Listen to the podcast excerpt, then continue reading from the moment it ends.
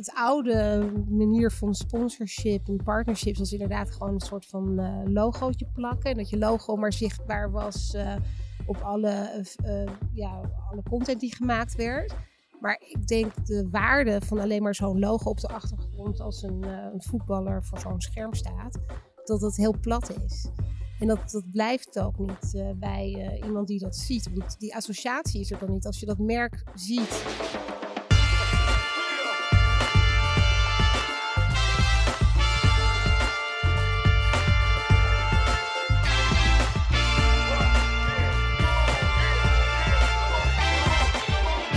Hallo, goedemorgen, goedemiddag, goedenavond of wanneer je dit ook luistert. En welkom bij de Brief, de podcast over content, marketing en, jawel, media. Het is vandaag 8 september 2020, een dinsdagavond. Een beetje afwisseling uh, is altijd goed, dus niet op de maandag, maar op de dinsdag. En het is een hele speciale aflevering, want ondanks het feit dat jij in de uh, titel van deze aflevering het nummer 70 ziet staan, is dit officieel de honderdste opname van de brief. Uh, uh, betekent dat dat we dingen heel anders gaan doen? Nee, helemaal niet, want een vertrouwd recept is altijd goed. Dus aan mijn linkerhand waardevriend en collega en algemeen aangenaam persoon, Matthijs Tielman.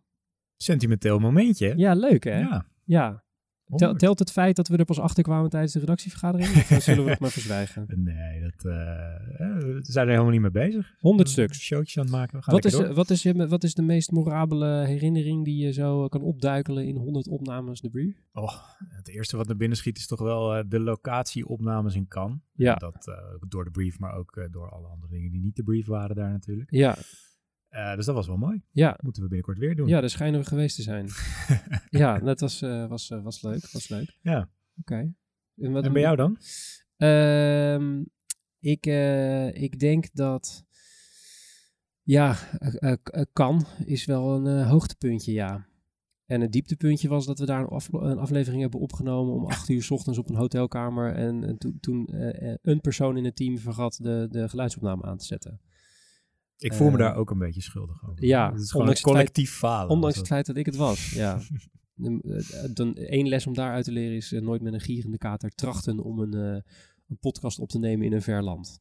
Maar als je dan toch iemand excuses wil laten aanbieden, dan is Frank daar wel echt uh, de man voor. Ja, dat, ja. met ja. verven gered. Ja, Frank heeft uh, destijds de show gered. Nou, genoeg in-crowd geneuzel. Dit is dus afleveringetje nummer 100. Uh, maar geen nood, deze aflevering wordt gewoon volgens vertrouwd recept. dus, Matthijs, dan het draaiboek verplicht mij u te vragen. Wat is de beste content die je de afgelopen tijd hebt Nou, wat gezien? leuk dat je dat vraagt. Man. Ja, ik ben nee, Eén ding off-topic. Ik wil nog even een shout-out doen naar Freek, vorige gast. die tip van hem, de podcast Wind of Change. Echt fantastisch. Die heb ik aangezet en eigenlijk niet meer gestopt met luisteren. Dus, ja. uh, dus die is sowieso top. Nee, en verder uh, vond ik een, uh, een artikel van McKinsey. En die hadden een interview met Mark Thompson, de CEO van de New York Times, die na acht jaar daar weggaat. En um, nou, de afgelopen acht jaar zijn wel echt extreem bijzonder geweest voor de New York Times. Die zijn gewoon de digitale wereld ingeschoten onder leiding van deze man. Hebben zichzelf omgeturnd tot een, ja, ik denk inmiddels wel een globaal media powerhouse. Um, en en um, ja, met, met de bijbehorende financiële cijfers uh, van dien. Uh, een paar dingetjes zijn van een half miljoen digital subscribers naar 5,7 miljoen digital-only subscribers gegaan onder leiding van deze man. Uh, 450 miljoen dollar omzet alleen uit digitale subscribers. Dus ja, dit is wel een manier die, waar we iets van kunnen leren. En uh, nou hoor ik je denken, Mark. Wat, wat dan? Nou, ja. hè? Wat, uh, wat, zijn we toch inmiddels goed op elkaar ingespeeld. Uh, nou ja, een van de lessen is, is uh, ja, dat, het, dat het heel erg gaat om uh, wie je bent als bedrijf en, um, en, en wat je missie is. En niet zozeer denken in wat je delivery platforms zijn, zoals hij dat noemt. Dus de New York Times is geen krant, maar de New York Times is een... Um, een, uh, ja, dat staat voor, voor kwaliteit, voor journalistiek, voor betrouwbaarheid, voor, voor dat soort dingen. En het maakt niet uit via welk platform je dat doet. En uh, nou ja, wat daaruit voortvloeit is natuurlijk het, het vernieuwde nieuwsapparaat wat daarachter zit. Maar bijvoorbeeld ook New York Times Cooking, wat onder zijn leiding is uitgerold. Gewoon ja, eigenlijk met dezelfde seal of approval en kwaliteitsjournalistiek. Uh, gewoon recepten.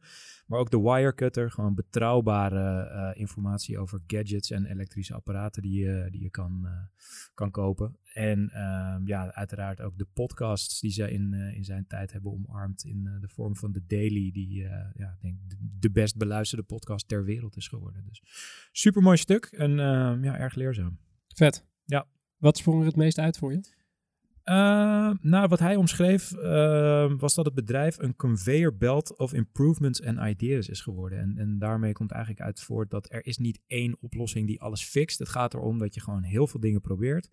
Um, en, en dus ook gewoon um, heel veel kleine dingetjes doet die optellen tot iets groters. Maar dat daar ook bij hoort dat je gewoon heel vaak faalt. Ik geloof dat hij zei dat hij zelf de digitale afdeling drie keer gereorganiseerd heeft. Zijn opvolgster, die uh, daarna de digital department is gaan leiden, heeft dat vervolgens nog twee keer moeten doen. Totdat ze in één keer de formule juist hadden en dat het in één keer begon te werken als een malle. Um, ja, dus ook daar is het niet zo dat er een, een, kamertje met slimme mensen is waar dan één plan uitkomt, um, wat dan meteen werkt. En uh, dat is af en toe toch wel fijn om, om te horen. A conveyor belt of improvements and ideas. Mooi. Mooi, mooi. Zetten we in de show notes. Um, zoals u van ons gewend bent, hebben wij ook een gast. En dit keer is dat een dame. Uh, ik noem een KLM, Heineken, Red Bull, Transavia. Onze gast heeft heel veel mooie plekken gezien, maar is inmiddels Head of Global Sponsorship en, nog wel belangrijker, Inclusion and Diversity Ambassador bij het Nederlandse Philips. Uh, ik heb het over Nathalie Lam. Nathalie. Hey, hallo. Fijn hier te zijn. Dank voor deze mooie uitnodiging. Ja, graag gedaan. Graag gedaan. Is het de eerste keer dat je te gast bent in een podcast? Podcast wel de eerste keer. Wel vaker voor microfoon en met headset opgezeten, maar podcast de eerste keer. Daarvoor was de radio? Of, uh, ja, precies. Ah. Ja, radio. En nou, helemaal fantastisch dat het gewoon de honderdste ja, toch? podcast is Ja. waar deel van uit mag maken. Ja, het is een memorabel, eh, memorabel Precies. gebeuren. Een stukje Ja. geschiedenis eh, in de reclame. Ja. Ben je een, een luisteraar van, van podcast? toevallig? Ja, ik vind het, eh, eh, ik moet heel eerlijk zeggen, een soort random. Ik heb heel vaak dat mensen mij dingen doorsturen en dan luister ik ernaar. Niet dat ik één bepaalde podcast echt volg. Ehm, maar het, ja, wat ik heel erg fijn aan podcast vind, dat je ondertussen andere dingen kan doen. Dat je in beweging kan zijn en de content tot je kan nemen op een zo'n andere manier, omdat het niet visueel is. Dus ik ben wel fan geworden van eh, het medium. En is het dan eh, werkgerelateerde onderwerpen waar je op aanslaat of meer in de privésfeer? Ehm, ja, eigenlijk ook beide. Ik, eh, echt om even weer heel clichématig iets te zeggen over COVID-tijd, dat ik ook ging mediteren. Ik deed mee aan zo'n meditatie-challenge. dat echt voor COVID zou ik niet eens over nagedacht hebben, omdat ik daar helemaal niet de rust voor heb. Ehm, en dat was een hele andere vorm natuurlijk, maar dan moest je ook 15 minuten luisteren naar een stem.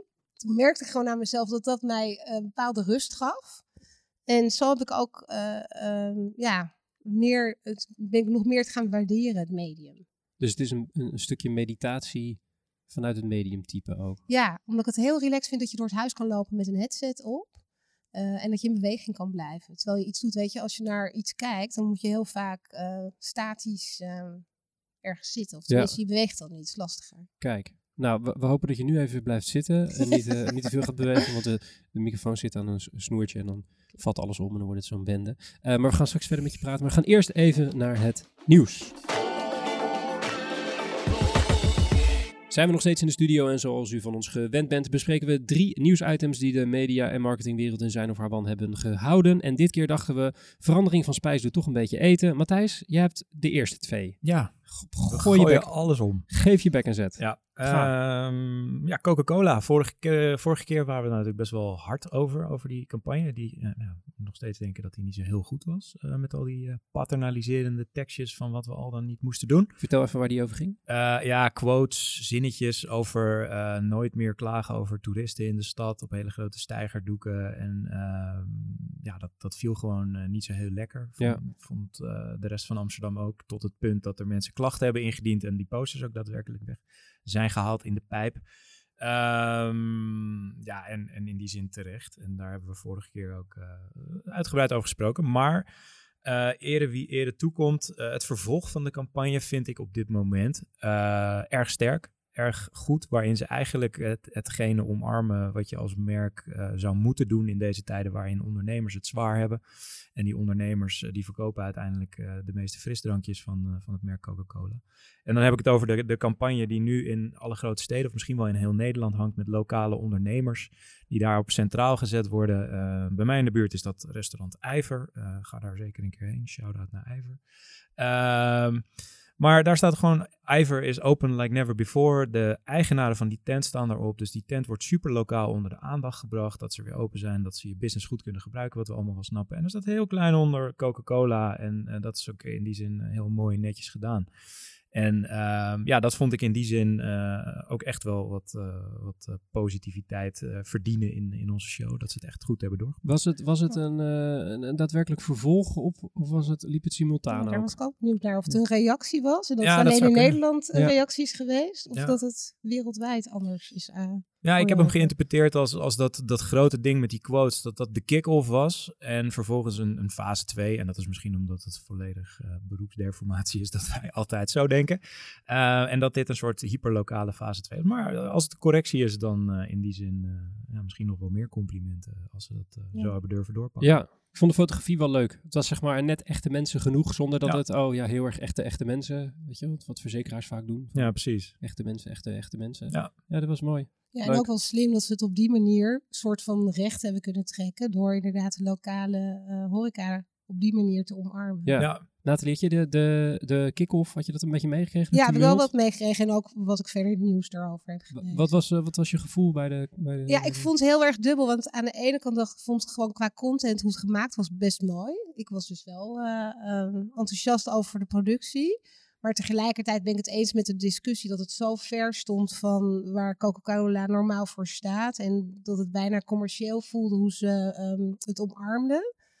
Um, en ik ben ook heel erg benieuwd naar hun, hun rationaal daarachter, waarom ze die keuzes hebben gemaakt. Die ja. weet ik niet goed genoeg, moet ik eerlijk zeggen. Um, maar tegelijkertijd denk ik, ja, als ze nu deze stap hebben gemaakt, het feit al dat ze een gewaarwording intern hadden om daar iets mee te doen en uh, het gesprek blijkbaar aangegaan zijn met die lokale horeca, denk ik dat dat um, eigenlijk een hele positieve wending is. Dan. Ja, ja. ja, helemaal bijzonder, omdat zo'n Coca-Cola is natuurlijk een, een, een mastodont van een merk dat die zo op microniveau uh, dat uh, omhoog uh, hijzen. Ja, dat, en dat het niet gaat om het merk Coca-Cola, of in ieder geval even zoveel gaat als het merk Coca-Cola, dan om de, de, de lokale ondernemer, die ja. echt gewoon daar, denk ik, echt flink mee supporten. Dus ja. ja. ja. Mooi. Leuk. Tweede? Tweede nieuwsitem. Tweede nieuws Gaat over corona. Ook over corona. Niet ja. die corona. Nou, allebei een beetje. Of eigenlijk wel die corona. Ja, het biertje corona. we hadden het er in een van de uitzendingen van Briefly hebben we het over gehad van ja. dit merk heeft gewoon best wel een heftig probleem. waar ze niks... Ja, hè, daar, dat, dat, ja, daar kunnen ze niet omheen. Dus nee. ik zag een artikel, uh, Corona, het biermerk, uh, dropt zijn nieuwe campagne met Snoop Dogg. Toch wel een van mijn muzikale helden uit mijn uh, mm. jongere jaren. Mark die lacht zich helemaal krom nu. ik zeg niks. Maar goed, Snoop, dus ik had zoiets, dit moet ik zien. Van ja. hoe gaan zij nu die recovery inzetten? Hoe gaan zij nu um, in campagnes daarmee uh, mee om? Dus hoge verwachtingen. Uh, ik zet de commercial aan. Wat zie ik? Ik zie Snoop Dogg op zijn Snoop Dogs, gewoon lekker in zijn badjas, op een strand, uh, een rhyme eruit gooien. Die gaat over bier en hoe gezellig het is. En uh, dat je lekker chillt met je coronaatje, wat prima is. Maar niks over wat er gebeurd is. Nul associatie Helemaal met niks. COVID. Echt niks. Corona. Geen social distancing op het strand. Nee. Uh, geen mondkapjes. Gewoon nul referentie naar wat er gebeurd is. Dus ik had echt iets van, wat de fuck is dit? Wat, wat, hè? Hoe zit dit? Dat ze daar dus echt helemaal niks mee doen. Maar. Okay. Dus we zien Snoop Dogg op een strand. Ja. Gewoon een reguliere televisiespot alsof er niks aan de hand is. Ja, ja het excuus wat, of excuus, de reden daarvoor stond zelfs uh, in het artikel waarin ik het had gevonden genoemd. De productie was al gestart voordat corona uh, de wereld stillegde in januari, februari. Dus toen dachten we, fuck it, we doen hem wel later. Ja. ja, maar ik bedoel, je weet als je met z'n allen in een ruimte zit en je gaat nadenken over, oké, okay, wat wordt onze reactie? Dat het uh, iets is waar je altijd moet denken aan al dit soort ja, logische context uh, waar je in bevindt. En dat je er iets mee moet doen. Maar tegelijkertijd denk ik dat er waarschijnlijk ook een bepaalde angst is. Dat ze denken, wat we ook doen om, om ons ja. te associëren met COVID, met uh, corona. Dat het wellicht een negatieve uitwerking kan hebben. Ja. Ja, we... Ik denk dat ze het gewoon niet wisten. En nee. dan maar dachten heel... Uh... Nee, er zijn natuurlijk een aantal deurtjes waar je doorheen kan. Het is of uh, stilzitten als je geschoren wordt. Dus helemaal je mond houden. Nou, dat ja. is niet heel erg goed voor de verkoop, denk ik. Het is uh, anderzijds er een grapje van maken. En het benadrukken en benoemen. en anderzijds is het gewoon doen alsof er niks aan de hand is. Dan lijkt me dat derde hok je wel echt de allerslechtste optie die je kan Ja, eh, nemen. Want iedereen eens. denkt hierbij natuurlijk, wat, eh, wat is hier nou weer aan de hand? Waarom? Ja, de tweede is extreem moeilijk. Weet je, dat je Ja. exact gewoon het, het, het juiste toontje moet zien te raken. In, in, laten we niet vergeten dat Amerika er natuurlijk een stuk slechter aan toe is. eh, Ja. Dan, dan, Zacht Ja, en dan denk ik ook van, is dit dan de juiste manier hoe je eh, reclame voor jezelf wil maken als merk? Weet je, je kan Ja. zoveel andere alternatieve, meer creatieve manieren Ja. verzinnen. Ja. Om ook een handreiking te doen naar, naar, naar de mens in het algemeen. Ja, Versus je product eigenlijk pushen op het schap. Toch? Ja. Daar komt het Ja. op neer. Maar ja, als je daar dan stel, corona had die campagne van Coca-Cola gemaakt. Van, hè, dus, dus, dus de lokale eh, ondernemers weer open, powered by corona. Ja, Ja. Ik weet ook niet of dat voor nee, maar stel, stel dat ze een campagne hadden gemaakt à la wat, wat Bud destijds tijdens die ehm, eh, overstromingen in New Orleans heeft gedaan. Mhm. Die hebben toen al hun fabrieken omgekat naar, eh, volgens mij, waterfabrieken. Ja. Die zijn heel veel drinkwater daarheen gaan brengen in ieder geval. Ja. Dat was, dat was het ding. En daar hebben ze een filmpje over gemaakt. Ja. Nou, volgens mij hebben ze dat ook gedaan. Hè? Volgens mij ja. zijn, eh, zijn alle coronafabrieken zijn omgeturnd naar eh desinfectant. Ja, ja, ook- ja, ja, ja, exact. Maar, had dat dan een soort van enigszins neergezet? Ja. Dus Ja, ze hadden Snoep gewoon Ja, dat de- meer gecommuniceerd of daar Zoiets. meer mee gedaan. Of Zoiets. eh, Ja, gemaakt. Dus Snoep had gewoon ja, op de plank moeten blijven liggen. Ja, en al, alhoewel ik denk, en dat zeiden we toen destijds in die Briefly aflevering volgens mij ook al, dat corona wel het type merk is dat wellicht nog wel met een grapje weg had kunnen komen hier. Met een, een, een wit scherm met alleen het logo erop met yeah, we know. En dan alleen Mhm. maar het logo even laten staan. Ja, consumenten deden het op TikTok. En, ja, eh, ja, dus ik, Ja. het is bedoeld is niet dat ze, zij kunnen er ook niks aan doen, zeg maar. Nee, weet je wel? Dus dat, ja. is, dat is wat voor consumenten volgens mij ook wel eh, voelen. Het is wel Ja. structureel een aanbieding bij mij in de supermarkt. het zijn wel heel wat voorraden die er weggedrukt worden. Oh, Eh, durf je er zelf nog mee te lopen? Ja, nou, ik koop, ja, ik ben zo'n cheap, cheap fuck. Ik, ik koop dat wel. Het maakt me allemaal niet uit. Wel zo'n ironische millennial eh, die dat, ehm, die dat dan ook een fotootje op Instagram zet. Oh, ja. en dan, ik vond ook in de eerste week van de lockdown zo'n dopje op de grond. Heb ik daar zo heel poëtisch zo'n foto van gemaakt. Heb ik op Instagram gezet. Zo. Of van Kijk, corona Van corona. Ze hebben eigenlijk gewoon heel veel free publicity al. Ja, eigenlijk wel, Die ja. commercial hebben we niet nodig. Misschien is het wel door hun. eh, nou, deze rabbit hole gaan we niet in. Ehm, De lange Fransen verbellen. Precies. Eh, over irritante millennials of aanstellerige millennials gesproken. Ma Matthijs, ik heb een derde nieuwsitem voor je. En dat is eigenlijk niet echt een nieuwsitem, maar meer eh, ik eh, als uh, aanstellerige millennial creatief die vragen heeft over een merk wat ik niet begrijp. En dat merk is Zeeman. En eh, Zeeman maakt natuurlijk eh, hele mooie, leuke, vette dingen die wij aanstellerige reclamemensen met tatoeages en hippe awardshows en gedoe allemaal super vet en tof vinden. Zoals een trouwjurk en een sneakers en, en een fashion show die geen fashion show is. En uh, uh, luchtjes die uitverkocht zijn en dan ineens op marktplaats voor heel veel geld belanden. En nu mondkapjes, allemaal super ironisch en leuk. En Zeeman doet tegendraadse dingen. En dat verkoopt ook allemaal. En dat is allemaal leuk en vet en tof. En de marketeer, die de, volgens mij de brandmanager, wordt ook uitgeroepen door het marketeer van het jaar awards. En allemaal gedoe. Zeeman, super tof merk. In mijn hoofd, super tof. Mhm. Alleen, ik ben daar eens wat langer over na gaan denken. Uh, naar aanleiding van dat luchtje wat uitverkocht is. Hè? Lucht. Ja. Dat is een verkocht, lekker geurtje. En dat vloog de winkel uit. En toen ging ik nadenken over de, de kernklant van de zeeman. Dus niet de persoon die de berichten leest op adformatie of naar de landingspagina gaat van die sneaker om te bestellen, maar de persoon die hier in de Kinkerstraat om de hoek boxershorts koopt bij de zeeman. Dat is niet, volgens mij, de aanstellige reclame hipster die heel erg lekker gaat op Febo slippers en een mondkapje van de zeeman. Toch? Dat denk ik ook niet. Dus wat is dit nou? Is dit nou, zijn er twee zeemannen? Dus een, ze een zeeman en een hippe zeeman? Eh, Oh, zijn, zijn er twee doelgroepen voor de zeeman? Is er de aanstellerige millennial, ironische, kopende producten persoon en de ik heb gewoon goedkope boxershorts nodig persoon? En wat, is deze, wat zijn deze campagnes nou precies? Is dit nou een hele dure PR-stunt met een daaraan gekoppelde salesactivatie of is dit nou oprecht merken bouwen? Hele hoop vragen. Ja. Je, je merkt dat ik hiermee zit. Ja. Ook. Ja. Dus ik, ik doe wat ik altijd doe. Ik deponeer dit over het spatscherm wat hier bij ons is. dat is onze spreekwoordelijke en letterlijke schutting. Ik gok zo de mythe dat er overheen richting de strategieafdeling. Ja. En nu hoop ik dat jij met al, in al je nuance en, en, en je marketing jodaschap er iets zinnigs over kan zeggen, waardoor ik weer fijn kan slapen vandaag. Ja, ik, uh, ik voel me in ieder geval gevleid No comp complimenten. Ik ben nu tijd aan het kopen voor mezelf om een antwoord te vinden. Ik bleef ook maar doorgaan. Ja, ja, Nee, um, ik laat zelfs mijn pen vallen. Ja, niet zenuwachtig worden. Mag ik één ding dan zeggen om Ja. een beetje te helpen? Dirk, de tas Dirk, kan je nog herinneren dat dat ook zo'n hot ja, item. Idem. was? Beetje doelgroep, zelfde Maar kwestie. dat was een beetje een ongelukje, had ik het idee. Dat het wel diezelfde cynische Ja. eh, doelgroep die toen zoiets had, we gaan lekker gewoon doen. maar nee, kijk, wat bij mij altijd door mijn hoofd spookt, is de samenwerking die H&M deed met Karl Lagerfeld. Dat is ook eh 10, 15 jaar geleden, lang geleden. Toen was het echt knokken in de H&M voor, voor die dingen. Maar het verschil wat H&M heeft, is dat de spulletjes die daar hangen, zijn voor die mensen die lopen te vechten om een Karl Lagerfeld pak ook interessant. Dus je loopt die H&M in voor dat Lagerfeld dingetje en je denkt van, oh, ik pak nog een t-shirtje mee. Oh, uiteindelijk, oh, ik ben al een tijdje niet geweest, dus ik kom best leuk hier, ik kom vaker terug. Eh, dan is het super logisch om, om dit te doen. Om gewoon een grote knal waarmee je mensen naar binnen trekt en, en die komen dan, een deel daarvan blijft gewoon weer terugkomen een tijdje bij je. Als dat zo zou zijn, dan zou ik het super logisch vinden. Maar voor zover ik weet, ik ben al een tijd niet meer in de Zeeman geweest, maar is dat niet het geval? Volgens mij is het nog steeds een beetje de, de witte onderbroeken, witte, witte sokken voor eh, vijf voor een tientje of zo.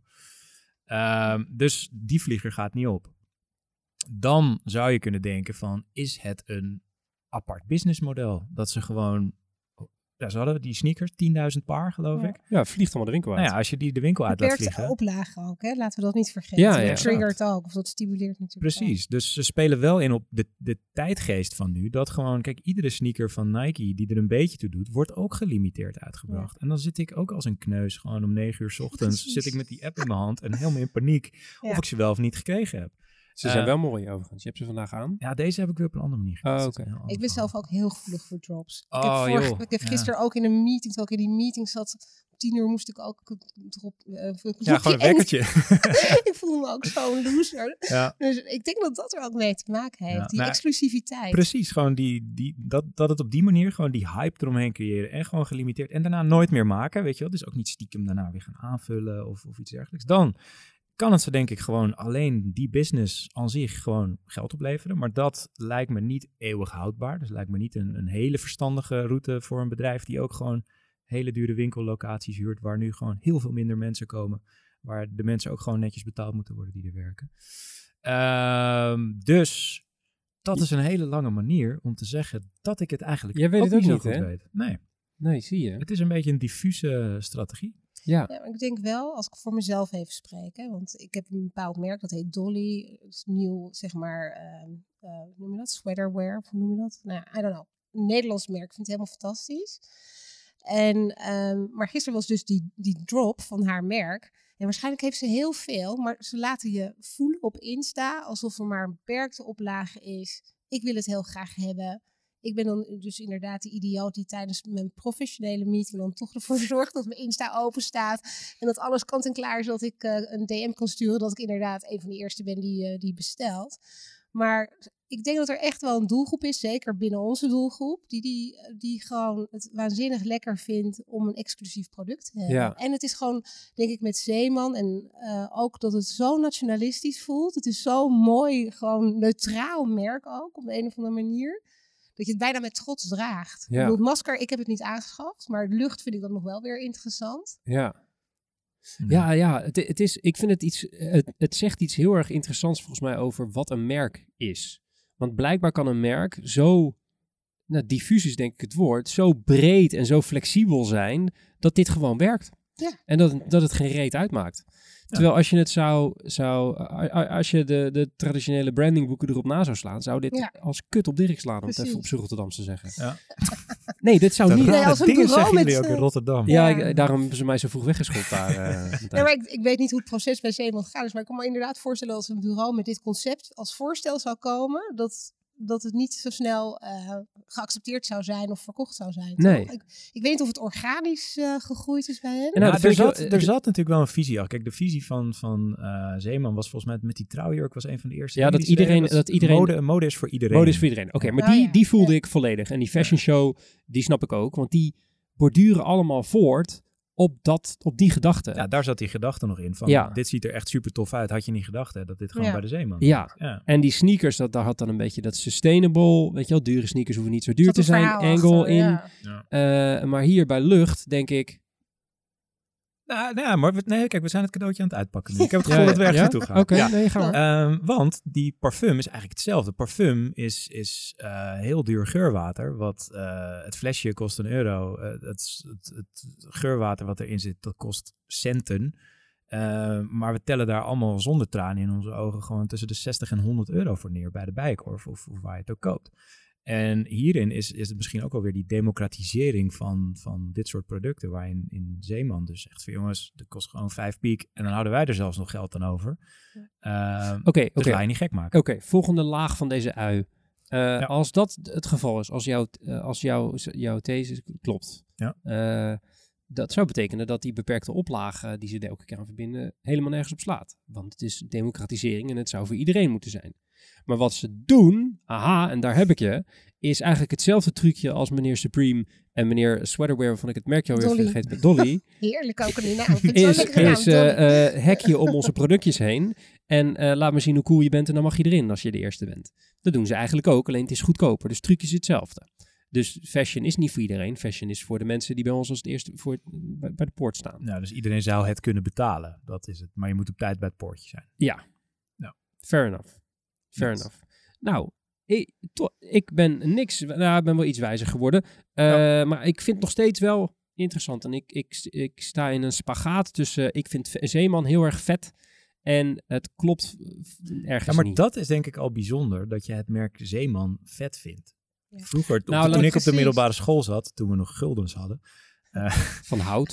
ja, precies. Toen eh, reden nog stoomtreinen. Nee, ehm, toen was het een soort van, oh, je krijgt zeker kleren van de zeeman. Weet je, dat was gewoon Ja. echt een bash. Weet je, gewoon, eh, ja, dat was echt niet, eh, Ja. niet wat je wilde. Terwijl jij nu al zoiets hebt van, oh, dit Nee, nee, maar ik vind het vanuit, vanuit eh, professionele, hoe heet het, professionele deformatie, is dat het term? beroepsdeformatie. beroepsdeformatie.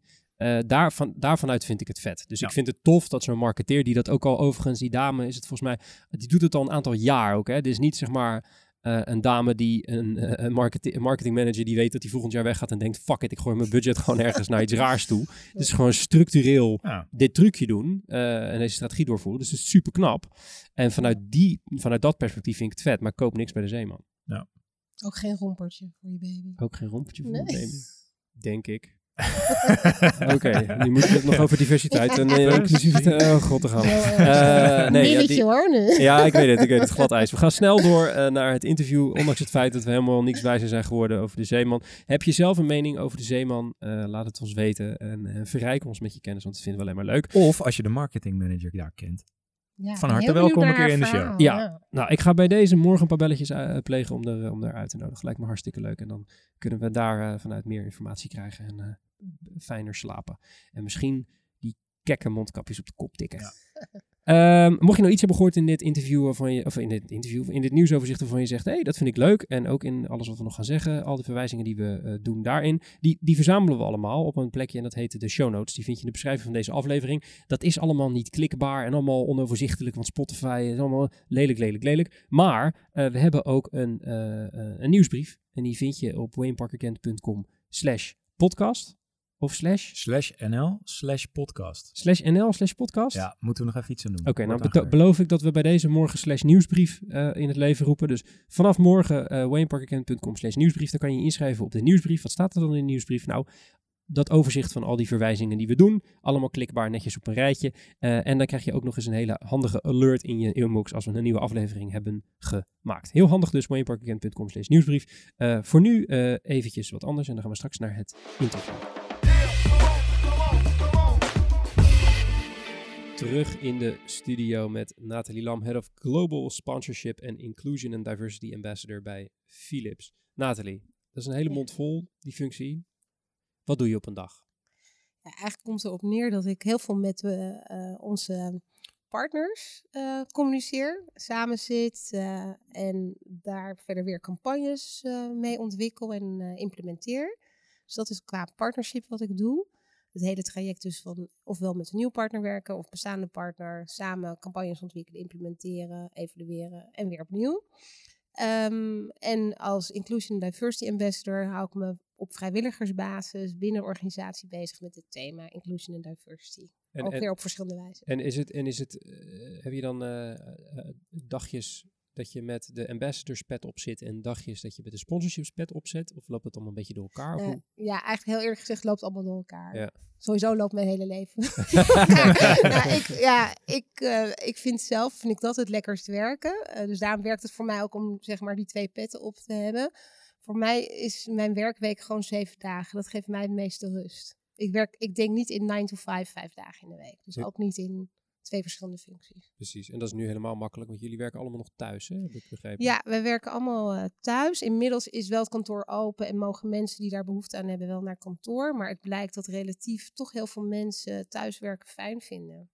Laten, laten we hem eens, eh, eh, laten we het interview eens even in de woorden van Matthijs ook uitpakken. En, en we beginnen met petje nummer 1, de, de, de sponsorpet. Ja. Dan, dan, dan ben je verantwoordelijk voor de partnerships en de sponsorships bij Philips. Doe je mooie namen, PSV, Rijksmuseum, Gay Pride, ik noem er maar een paar. Ja. En dan is het 2020. En dan? Ja, nou, om een voorbeeld te noemen, Invictus Games was een nieuw partnership van ons. Dan ben je echt wel nou, bijna drie kwart jaar bezig met het eerste gesprek, wat je met die partner aangaat om te bekijken hoe je elkaar kan versterken, hoe je wat voor soort samenwerking je wil, wat voor contract, eh, legal, procurement, iedereen komt daar bekijken. Het is echt een heel traject, omdat we een global partnership ook aan zijn gegaan. Dus je moet ook rekening houden met alle landen met wie je werkt, dat het relevant is. Het is voor mensen met een beperking, toch? Heel groot uh, Ja, ja oh, sorry, ik zal ja. misschien even toelichten. Het is eh, een heel mooi evenement. Eigenlijk een soort Olympische Spelen voor veteranen. eh, eh, dus militairen die veteraan zijn, die een handicap, die een handicap hebben. Dat kan zowel fysiek als mentaal zijn. En dan zijn er allemaal sporten die beoefend worden. En per land eh, komen 500 veteranen zouden er naar Nederland komen. Die onderling dan hele mooie wedstrijden met elkaar ehm, ehm, ja, hebben. En eh, ja, heel, heel mooi partnership vond ik zelf. En ook heel erg bij, passend bij onze propositie. En, die- en die zou je dit jaar voor het eerst gaan doen? Ja, het zou in mei 2020 plaatsvinden. Eh, dus afgelopen mei. Ehm, mooi partnership. Heel blij met zo'n nieuw partnership. Want het is altijd ook weer spannend als je een nieuw partnership hebt. eh, hoe, hoe je dat gaat, eh, hoe die samenwerking gaat. Wat voor campagne er eh, omheen ontwikkelt. je conversie, hoe je die uitzet. Eh, dus dat is überhaupt al een heel spannend traject. En we zouden ehm, zowel qua content met elkaar samenwerken, maar ook natuurlijk het evenement zelf. eh, omdat het echt een sportevenement is, dus ook hoe je daar weer je branding eh, doorvoert. En we hadden een paviljoen waar we onze producten en oplossingen, die met name toepasselijk zijn voor die doelgroep. dat was echt wel heel groot, waar ook weer heel veel mensen bij betrokken zijn. En toen inderdaad kwam COVID. Ik kan me voorstellen dat het event was gewoon inderdaad zo goed als af. Want Ja, de is- designs, alles was Ja. klaar. eh, en ook de mensen met wie je gaat werken. En, en het, ja, het hele traject. Wat, wat was het punt waarop je dacht, fuck? Ja, nou wat gebeurde is dat ik aan het begin, je houdt constant het nieuws in de gaten, omdat eh, het natuurlijk heel bepalend is wat het, wat het nieuwe beleid zou zijn qua eh, events die georganiseerd zouden worden.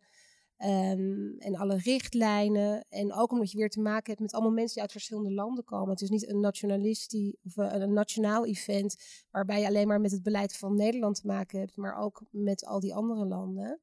En ik weet dat eh, eh, de Invictus Games organisatie zelf, die was daar ook constant mee bezig. En die hielden ons goed op de hoogte. Maar op een gegeven moment, eh, en daar heb je, daar, weet je, daar zijn ook allemaal eh, legal eh, ja, dingen aan verbonden. Moet je go, no go. Maar dat heeft ook weer met zoveel aspecten te maken voordat ze die beslissing kunnen nemen. Dus dat vond ik ook soms wel lastig. Want bij andere partneractiviteiten hadden we al besloten, ofwel de partner of wij, van oké, we stoppen.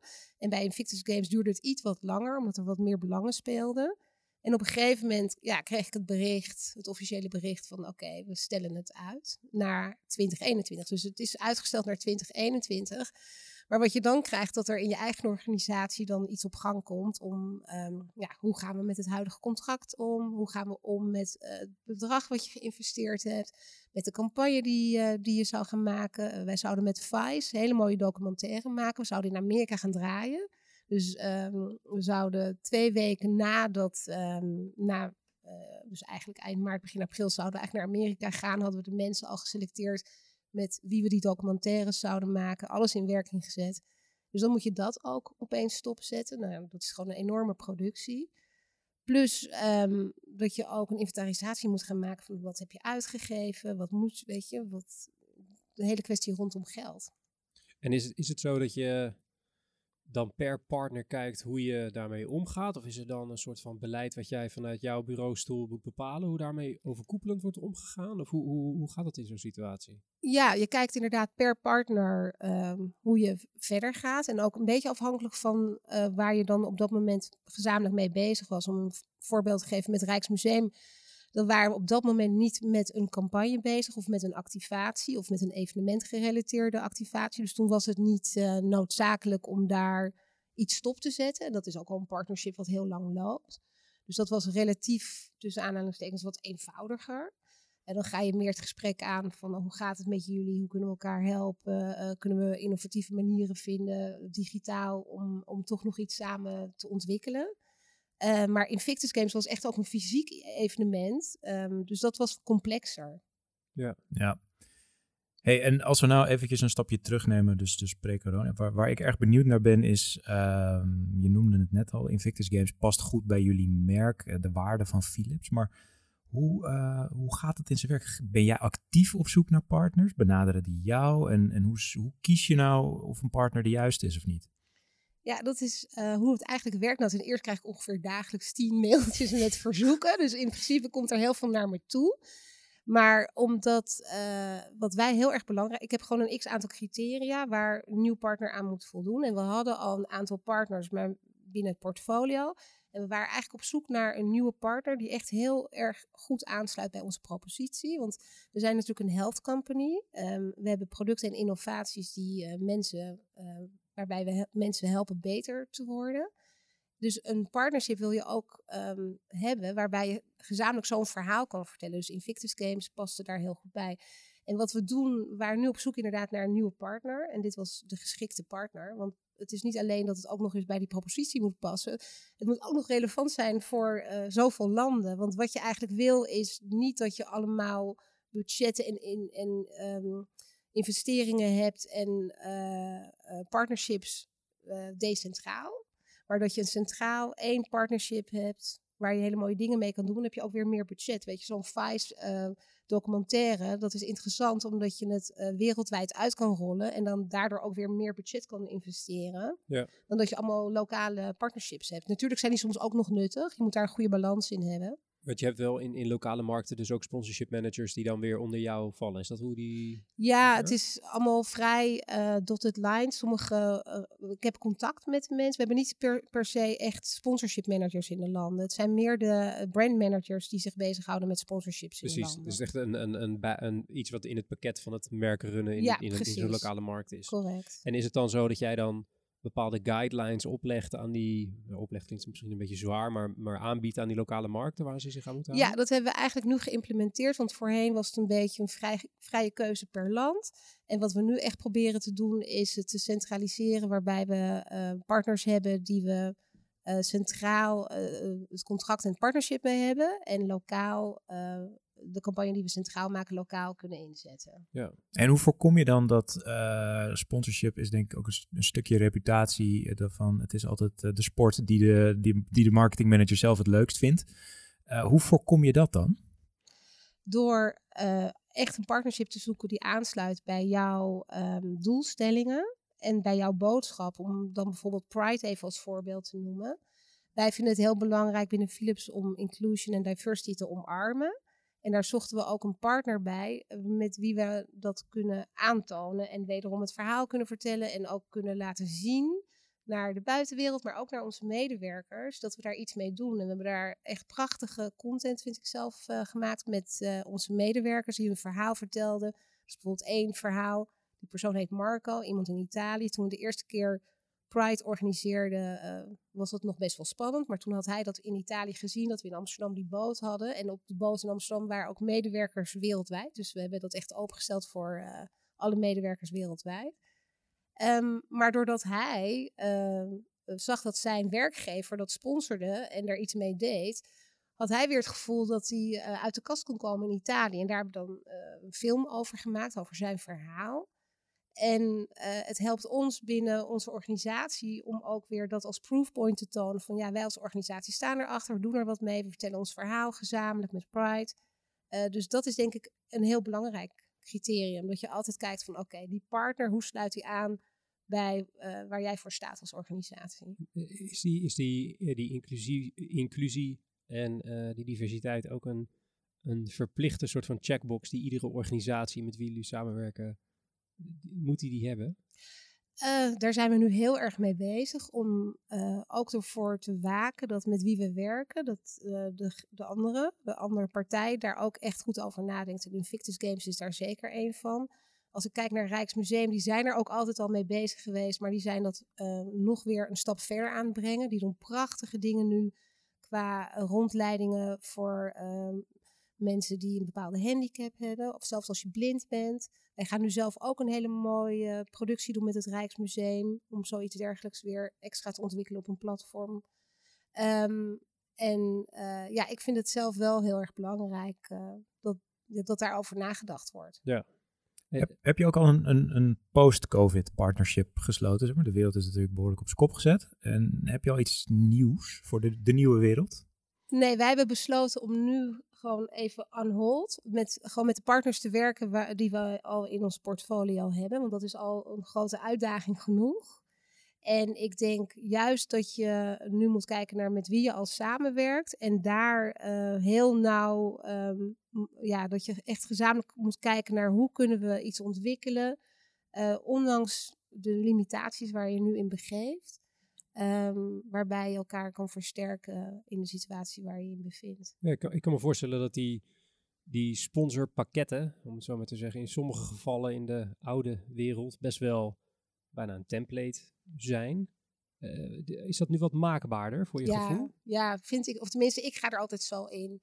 Ik geloof niet in een template en dat ze zeggen uh, voor, weet je, dan heb je zilver, goud, uh, brons. Ja. Daar geloof ik absoluut niet in. Ik zou als partner zelf ook niet op die manier naar een klant toe willen gaan. Want ik denk dat het wat het juist inhoudelijk interessant maakt, is dat je het heel erg kan vormen naar wat de partner behoeft. We, weet je, wederzijds. En um, je wil natuurlijk als merk altijd uniek zijn en je kunnen differentiëren. En nou, als ik dan wederom even weer naar over Invictus Games heb, daar hebben we echt een aantal keren om de tafel gezeten. Um, omdat wij inderdaad ook echt gezien wilden worden op de locatie als een, een bedrijf dat voor gezondheid staat. Dus een health tech company. Dus dat we op die manier ook zichtbaar waren. En dat als voorbeeld bijvoorbeeld de AED's die uh, overal op het terrein zouden zijn. Dat waren Philips AED's. Maar ook dat wij um, um, binnen het domein van gezondheid iets zouden kunnen betekenen. Want ze hadden daar een, uh, zouden een soort uh, locatie hebben, een soort ziekenhuis noem ik het maar even, waar um, artsen zijn uh, die um, de veteranen ook onderzoeken. dus we hadden ook al bedacht dat we dan een Philips Health Tech ziekenhuis daar zouden hebben. Dat je echt heel relevant je merk op de juiste manier inzet.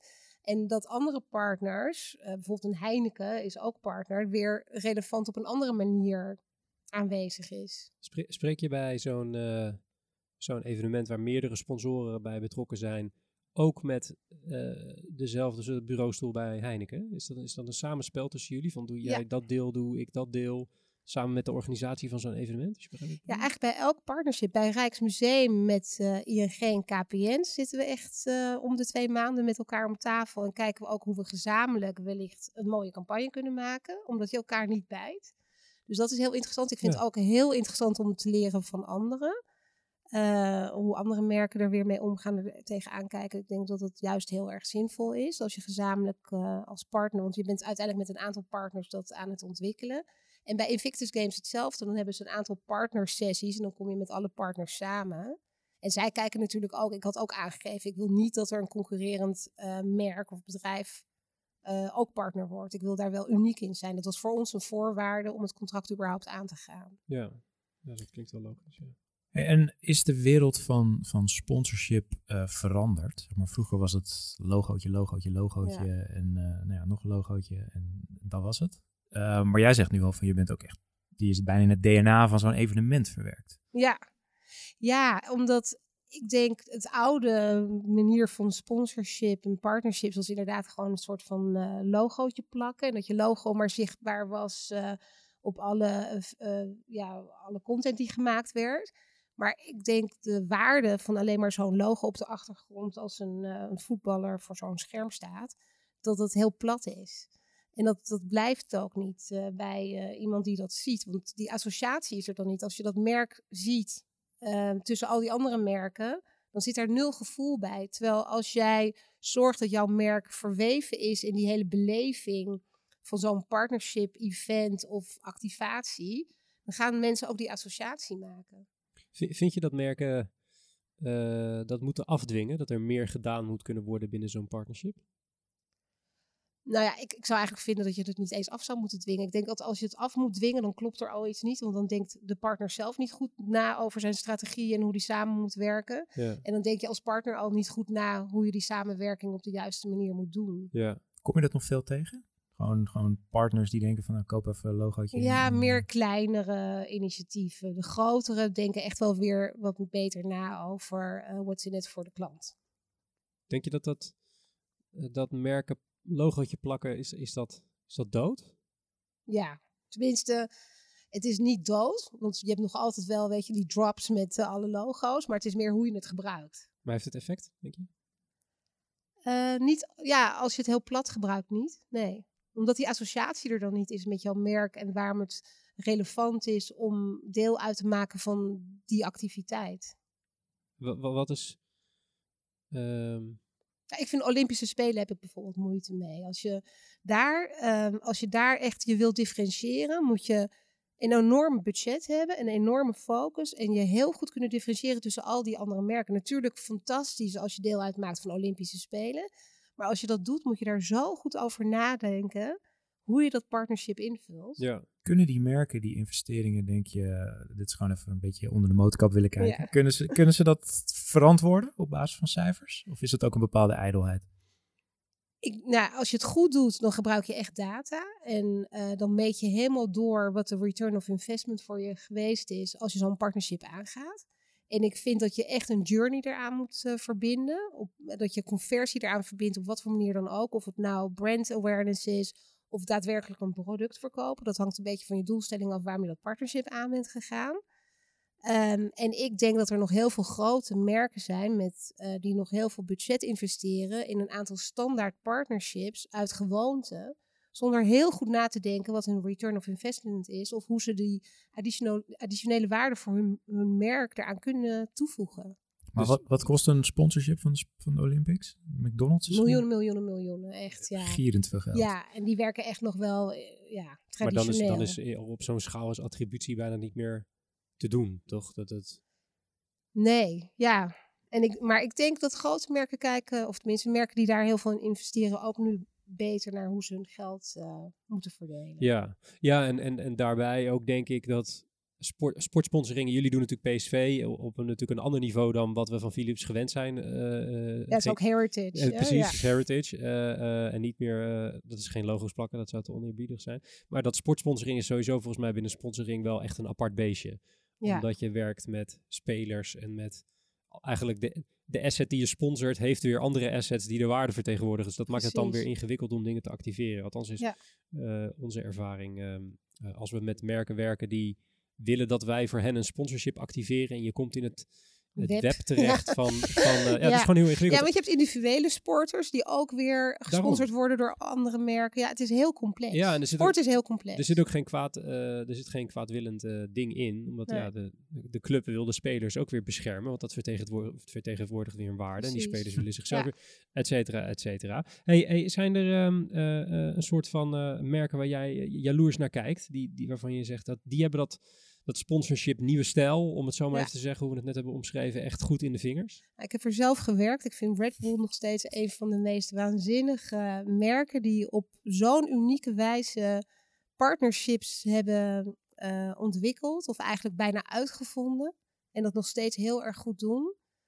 Ja, dus ik vind uh, Red Bull heeft ook een hele mediabedrijf erachter. Die zijn al een, denk ik, een van de eerste merken geweest die ook gewoon die content maakte rondom een atleet. En die hele, weet je, er zit zo'n heel businessmodel omheen. Ja, heel sterk. Ja, bizar hoe zij dat gaan hebben gedaan. Normaal gesproken zou een merk zeggen, we kopen een logootje in op een Formule 1 auto. En zij kopen gewoon twee eigen teams. Ze ja, zij doen het zelf. Maar dat is denk ik ook het verschil. Bizar. Zij ownen uh, het partnership. Ja. En, en vanuit, weet je, de grond bouwen ze het op. Ja. Jij hebt die, die parachutist meegemaakt. Ja, die- heel ja. spannend. Waanzinnig. En dat was echt uniek. Ik weet nog dat we zo blij waren dat het in het acht uur journaal kwam. Dat was timing. Ik, we zaten echt... eh, eh, alle collega's zaten toevallig thuis en we zaten allemaal naar het acht uur journaal te kijken. En die timing erbij inderdaad. eh, Het is gewoon een livestream in het was 8 een uur journaal, toch? Ja, ja, dat bedoel, weet je, beter dan dat kan je niet De krijgen. gold standard. Ik ben wel benieuwd, Ja, hoe, de heel, attribu- mooi, eh, heel mooi en bijzonder ik jaar. ben wel benieuwd hoe de attributie van die campagne is, eh, gegaan. Ja, Hey, ehm, eh, de, de, de, de, de vanzelfsprekende wedervraag na wat vind je goed in de markt gaan, is natuurlijk wat, is, wat gaat er mis in sponsoring in jouw optiek? Nou dat er inderdaad helaas soms nog te vaak op een traditionele wijze eh, eh, een partnership aangegaan wordt en geactiveerd wordt. En ik denk dat als merken zien hoe ze dat kunnen verbeteren en wat het voor hen, hun merk kan doen, eh, dat dat echt wel zal wijzigen, de hele manier van samenwerken. En, en, en betekent dat, je, je refereert naar wat het voor je merk kan doen, is, laten we heel plat zijn, zijn de metrics veranderd? Dus we hadden het net over logo plakken en dat gaat gewoon om Gillette, Gillette. eh, we hebben een nieuw scheermesje, Gillette, Gillette. En als je dan in de winkel loopt, dan denk je, hé, hey, Gillette. Er stond ook op een shirt, ik koop het. Nou, awareness, awareness. Ja. Eh, de, de sponsorships die jij net omschrijft zijn geraffineerder doordacht, meer lange termijn, echt een Mhm. partnership, zoals je het zelf al noemt. Betekent dat dat je ook andere manieren van het doorberekenen of het berekenen van succes erop nahoudt? Ja, wij meten echt alles door. Dat is gewoon, ik moet rechtvaardigen waarom ik een partnership aanga. En het mooie wederom wat ik van Invictus Games vond, is dat het een 360 was. We maakten content voor ehm, social media, platform en eh, tv. Dat we dat echt konden uitzenden en daar een hele journey hadden, ook op social. Maar tegelijkertijd konden we weer het evenement gebruiken om gewoon te showcase waar onze producten en oplossingen voor staan. Daar mensen voor uitnodigen. Dus dan heb je een soort direct marketing ehm, activatie. Maar ook thought leadership. Dus we, het idee was ook dat we in ons paviljoen ehm, een soort TED-talk zouden houden. eh, en panel sessies, waardoor je weer op een hele andere dynamische manier eh, je merk kan tonen. Maar ook had ik een veteraan die een boek had geschreven, of die heeft een boek geschreven. Die zou ook weer eh, een verhaal houden over zijn boek en zijn medische journey. Waardoor hij niet per se Philips zou benoemen, maar wel zijn verhaal over het belang van eh, gezondheid en de producten die eh, ervoor gezorgd hebben dat hij weer gezond werd. Dus Ja. eigenlijk weer een heel authentiek verhaal. En jullie geven die man dan een podium en, bevestigen daarmee het thought leadership. En, en is het dan zo dat je verwacht van een, een nieuwe partner dat ze al op die lagen van communicatie hebben nagedacht over zo'n partnership? Of is dat iets wat jij meebrengt? Nee, dat eh, in dit geval, sorry, heb ik dat echt meegebracht. Omdat ik daar zelf al een heel goed beeld van had hoe ik dat wilde doen. En ook dat doe ik al bij sommige andere partners. Met Rijksmuseum doe ik dat ook.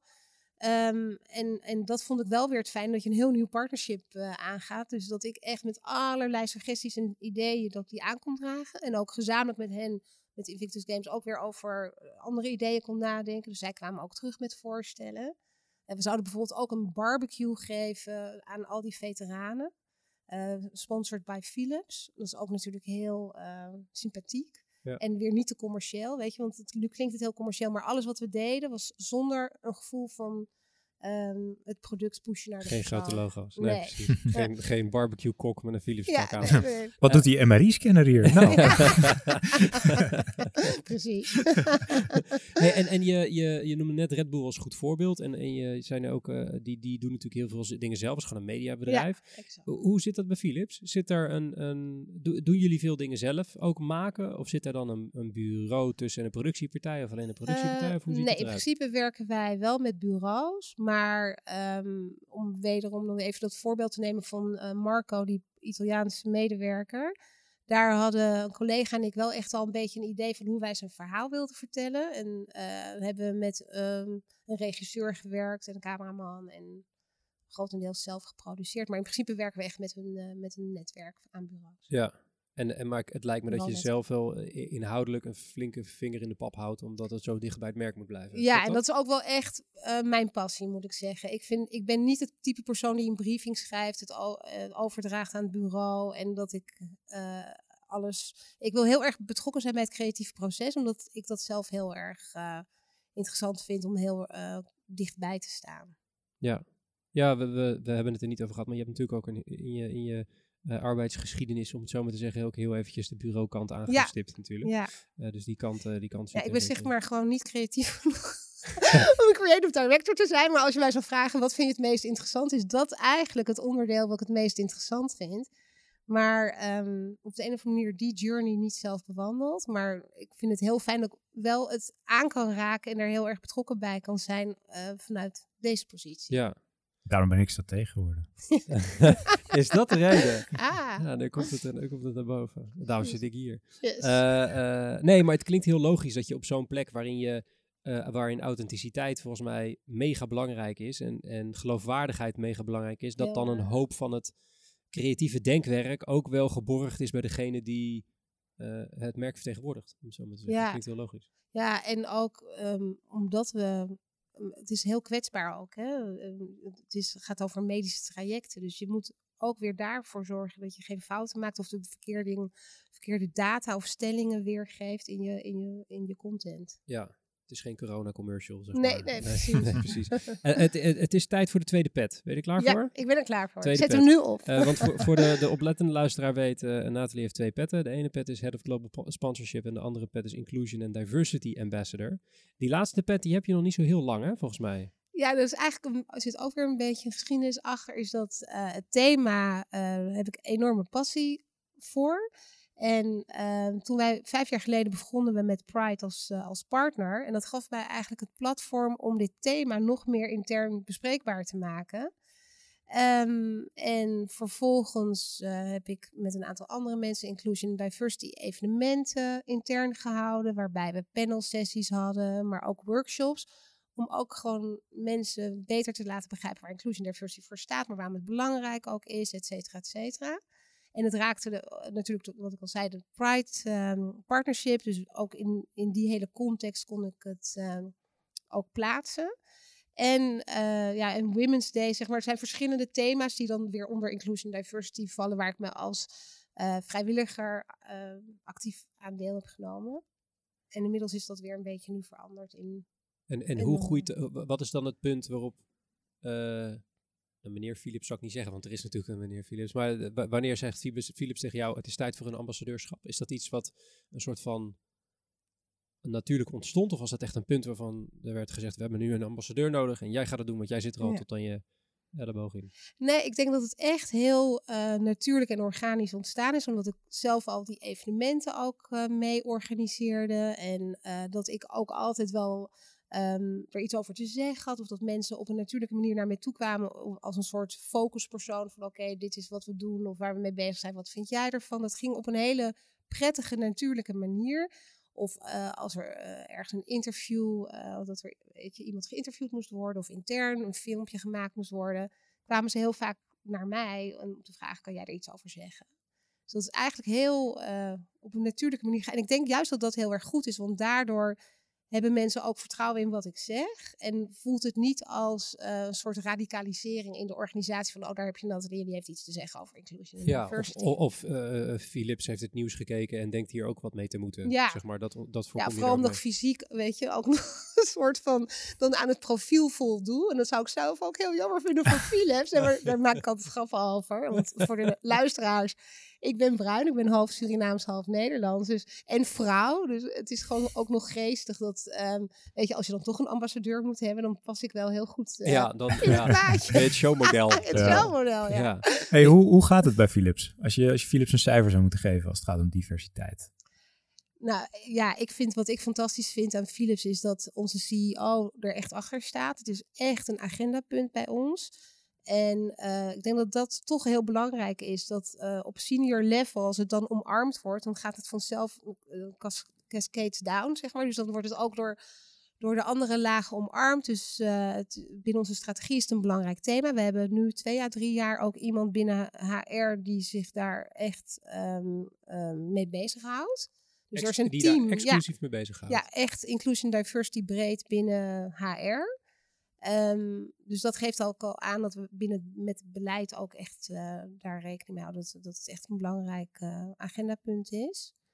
Um, ja, en ik hou me op dit moment bezig met uh, het marketingdeel daarvan. Want we zijn voor onszelf aan het onderzoeken hoe wij op dit moment onze briefing schrijven, talent die we kiezen, dus de modellen die we kiezen voor onze advertising in het geheel.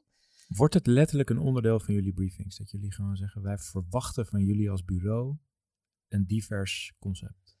Nee, wat we eigenlijk willen is dat we er altijd, voor zorgen dat wat wij doen een afspiegeling is van de maatschappij. En het moet zeker niet opgelegd zijn, want bij bepaalde producten en oplossingen is dat ook weer ontwikkeld voor een bepaalde doelgroep. Dus dan kan je wel heel geforceerd, uh, heel diverse uh, commercial of uh, reclame marketingstrategie daarvoor ontwikkelen. Maar dat past niet. Dus ik vind het allereerst belangrijk dat je altijd eerst kijkt van wie is je doelgroep en hoe past het en hoe relevant het is en hoe, hoe authentiek.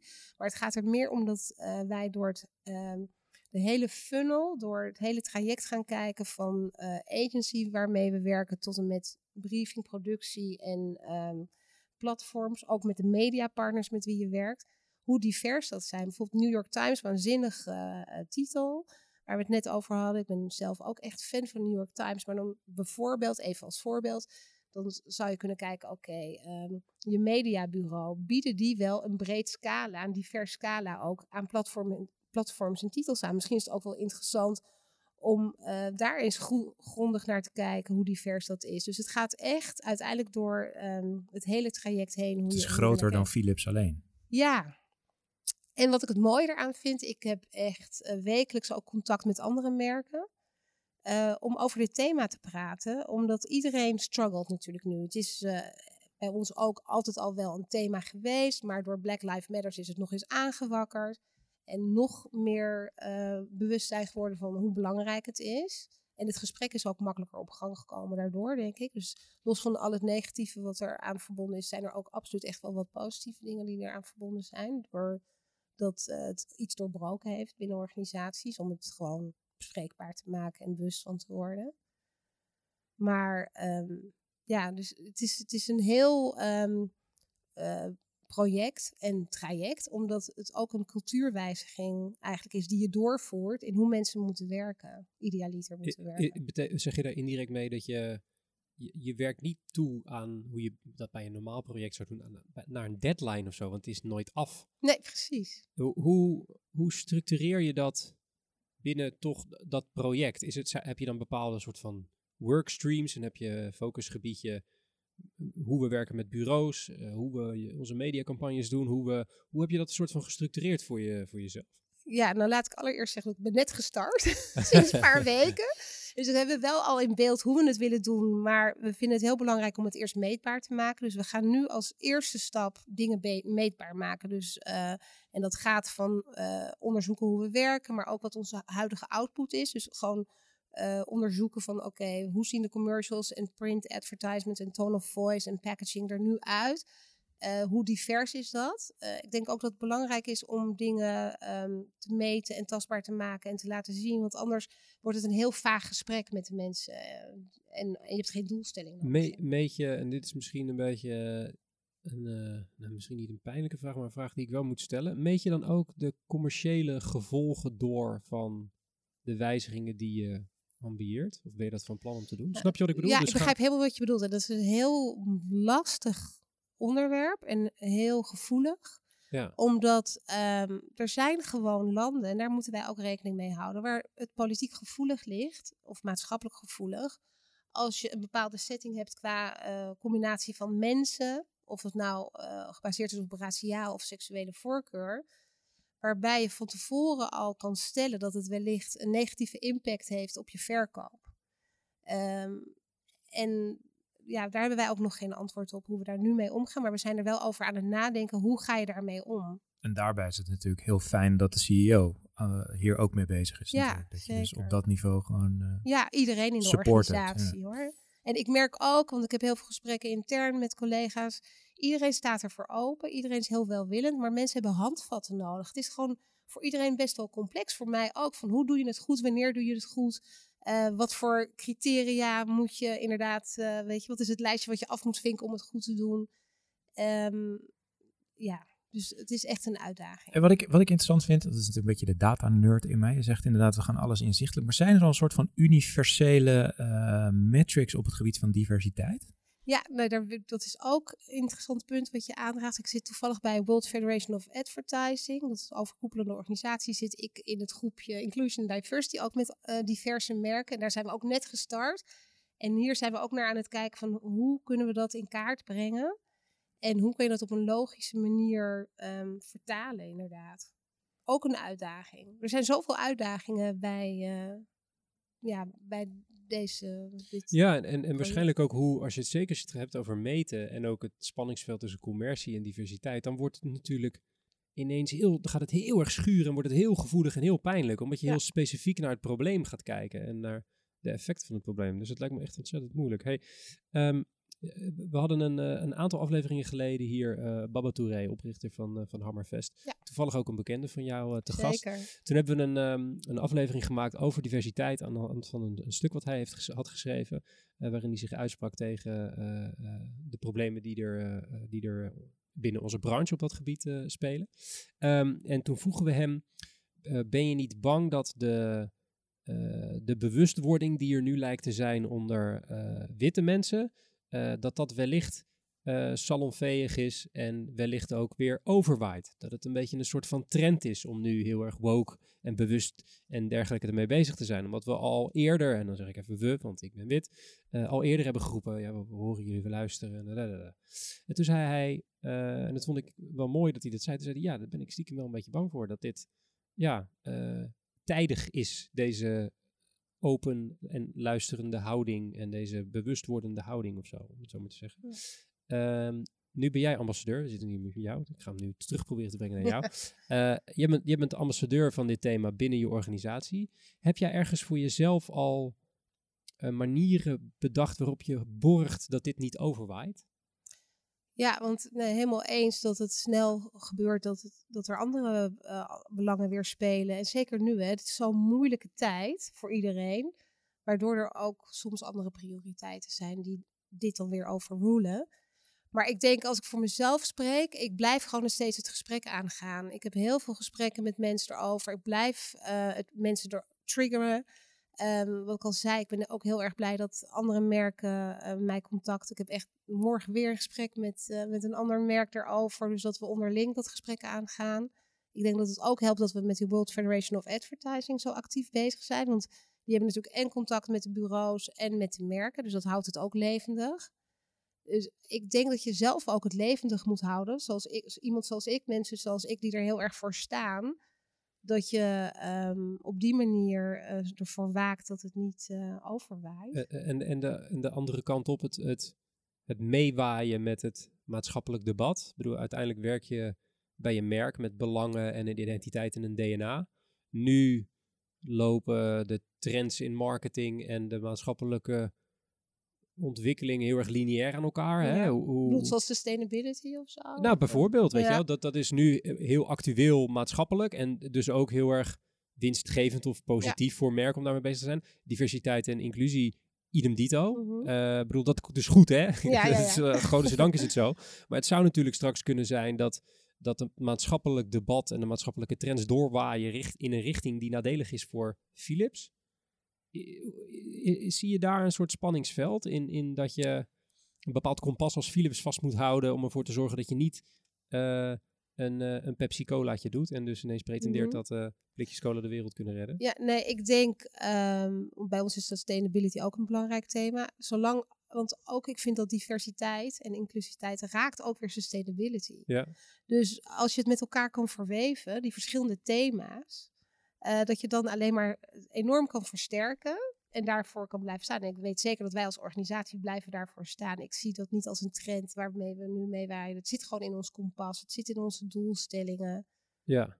Is, is het dan zo dat je als merk, dus, dus als ik je mag uh, parafraseren, zeg je dat je als merk eigenlijk in, in iedere maatschappelijk debat eigenlijk je rol moet zien te ja, vinden? Ja, en een relevante rol inderdaad. Want zolang die relevant is en uh, waarde heeft voor jouw product, oplossing of merk, uh, dan is het ook geloofwaardig en zinvol.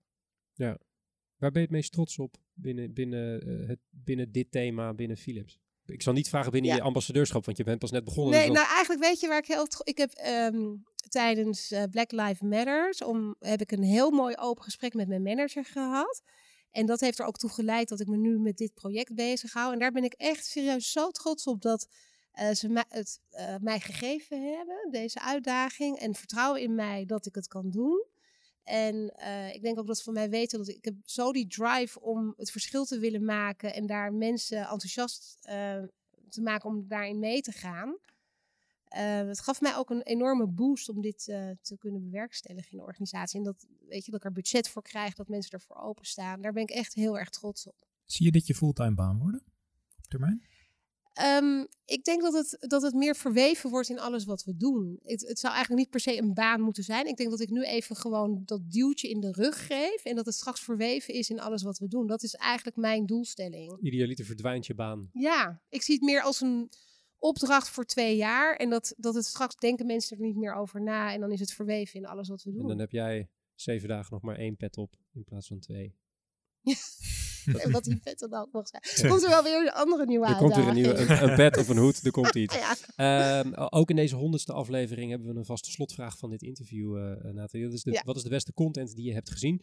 En zowel content eh, als de periode waarin je die content hebt gezien mag heel breed zijn. Dus mag ook Ja. van heel lang geleden iets, een boek of een sticker of een liedje. Ja, nou, ja wat ik heb, eh, wat ik daarnet al had aangegeven tijdens ons diner, is dat ik een hele rommelige fase momenteel zit, omdat ik aan het verhuizen ben, verbouwen, nieuw huis, totale chaos. En ehm, zoals met verhuizen altijd gepaard gaat, is dat je in moet pakken, uit moet pakken.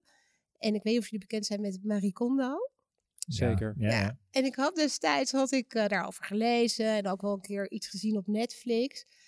En ik merkte dat het toch is blijven hangen wat ik gezien had op Netflix. Dus toen ik aan het opruimen was, en ik, ik hou echt van strak en netjes. Hè? Echt less is more, dat vind ik echt heerlijk. Maar ik merk dat ik zo grondig door alles heen ben gegaan, dat ik me echt ook op kan verheugen om straks die dozen uit te pakken, dat het allemaal eh, eh, al een soort van gefilterd is. Maar wat ik interessant vind, want zij leeft, en ik had het even opgeschreven, want anders vergeet ik het. Want ze heeft dan dat stappenplan van waarom wil je opruimen, blijf consistent, eh, opruimen per categorie. En dat heb ik gedaan. Maar ehm, als je, dat kan je ook bijna vertalen naar je leven. Ik denk dat heel veel mensen ook tijdens COVID heel erg nagedacht hebben over waar je staat, wie je bent, hoe je verder wil. En ik heb dat eigenlijk ook wel een beetje toegepast eh, naar mijn eigen leven, dat, dat opruimen. Maar ook het waarom en hoe je het weer categoriseert. Dus het heeft mij toch best wel veel gebracht eh, na dato dat ik het bekeken heb. En wat ik ook merk, wij leven nu tijdelijk in een, eh, een situatie waar we zeg maar soort van tussen de dozen leven. En ik bepaalde dingen maar heb uitgepakt. Dus we hebben nu maar acht borden in plaats van die hele serie set. En dat je met minder ook heel goed eh, kan. En heel veel van mijn kleding, kleding is opgeslagen. Dus ik heb nu ook beperkt eh, aantal kleding. En ik vind het zo lekker dat ik daar niet meer enorm over hoef na te denken elke dag. Lekker. Ja. Dat is makkelijk voor het verhuizen straks, weet ik uit eigen ervaring. Ja, Eh, Nathalie Lam van Philips, het was eh, hartstikke gezellig om je hier te hebben. Kom snel een keer Yes. terug, zou ik zeggen. thanks. Dank eh, dat ik hier mocht zijn. Top. Eh, Matthijs, Yes. honderdste aflevering, hoe voelde die? Ja, als vanouds. Was vanuit, hè? Ja, ik vond het leuk. Ja. Ik ook, ik ook. Eh, wat, wat gaan we doen? Morgen, de, overmorgen is druk, minder druk? wat, eh, wat staat er op de agenda? Eh, Het is een druk weekje, maar wel met focus dingen, zeg maar. Dus gewoon hele dagen om één probleem te tackelen. En dat is wel lekker. Leuk. Nadenken, dingen doen, niet te veel vergaderen. Niet te veel vergaderen, Nee. geen Zoom calls. Precies. Lekker man. Yes. Veel succes daarmee. Ik zie je de volgende keer. Er rest mij niks anders dan u, de luisteraar, nog even te wijzen op de show notes. Eh, die vindt u in de beschrijving van deze aflevering. En daarin vind je iedere verwijzing die wij in deze aflevering hebben gedaan. Dus ieder boek, filmpje, dingetje, die spot van corona en Snoop Dogg, je vindt het er allemaal terug. Wel in een onhandig lijstje, allemaal niet klikbaar. En daarom hebben we ook een nieuwsbrief. En die vind je vanaf morgen op wayneparkerkent.com slash nieuwsbrief. En eh, dat, eh, dan krijg je dus alle show notes handig in een mailtje. Vind ik persoonlijk veel handiger. En u waarschijnlijk dus ook. Ben je al geabonneerd op deze show? Heel goed. Ben je dat nog niet? Doe dat dan even heel snel. En geef meteen je collega op links en op rechts even een schop tegen de bureaustoel. Dan wel fysiek, dan wel virtueel. En zeg dat ze dat ook even moeten doen. Worden wij alleen maar beter van. Vind je iets van deze show? Laat even een re- re- recensie achter in de podcast store, app store, dingetje. Nou, dat ding van Apple in ieder geval. Komen daar nog mensen? Geen flauw idee, maar doe het toch eventjes. Eh, de brief werd ook tijdens deze honderdste opname gemaakt door Wayne Parker Kent. Productie in de handen van de onvolprezen Guido Wiegers. Die heeft geen microfoon, maar die gaat wel wat zeggen. De redactie werd gedaan door Famke Algera en Max Deerve. Die hebben ook allebei geen microfoon, maar die gaan wel iets roepen.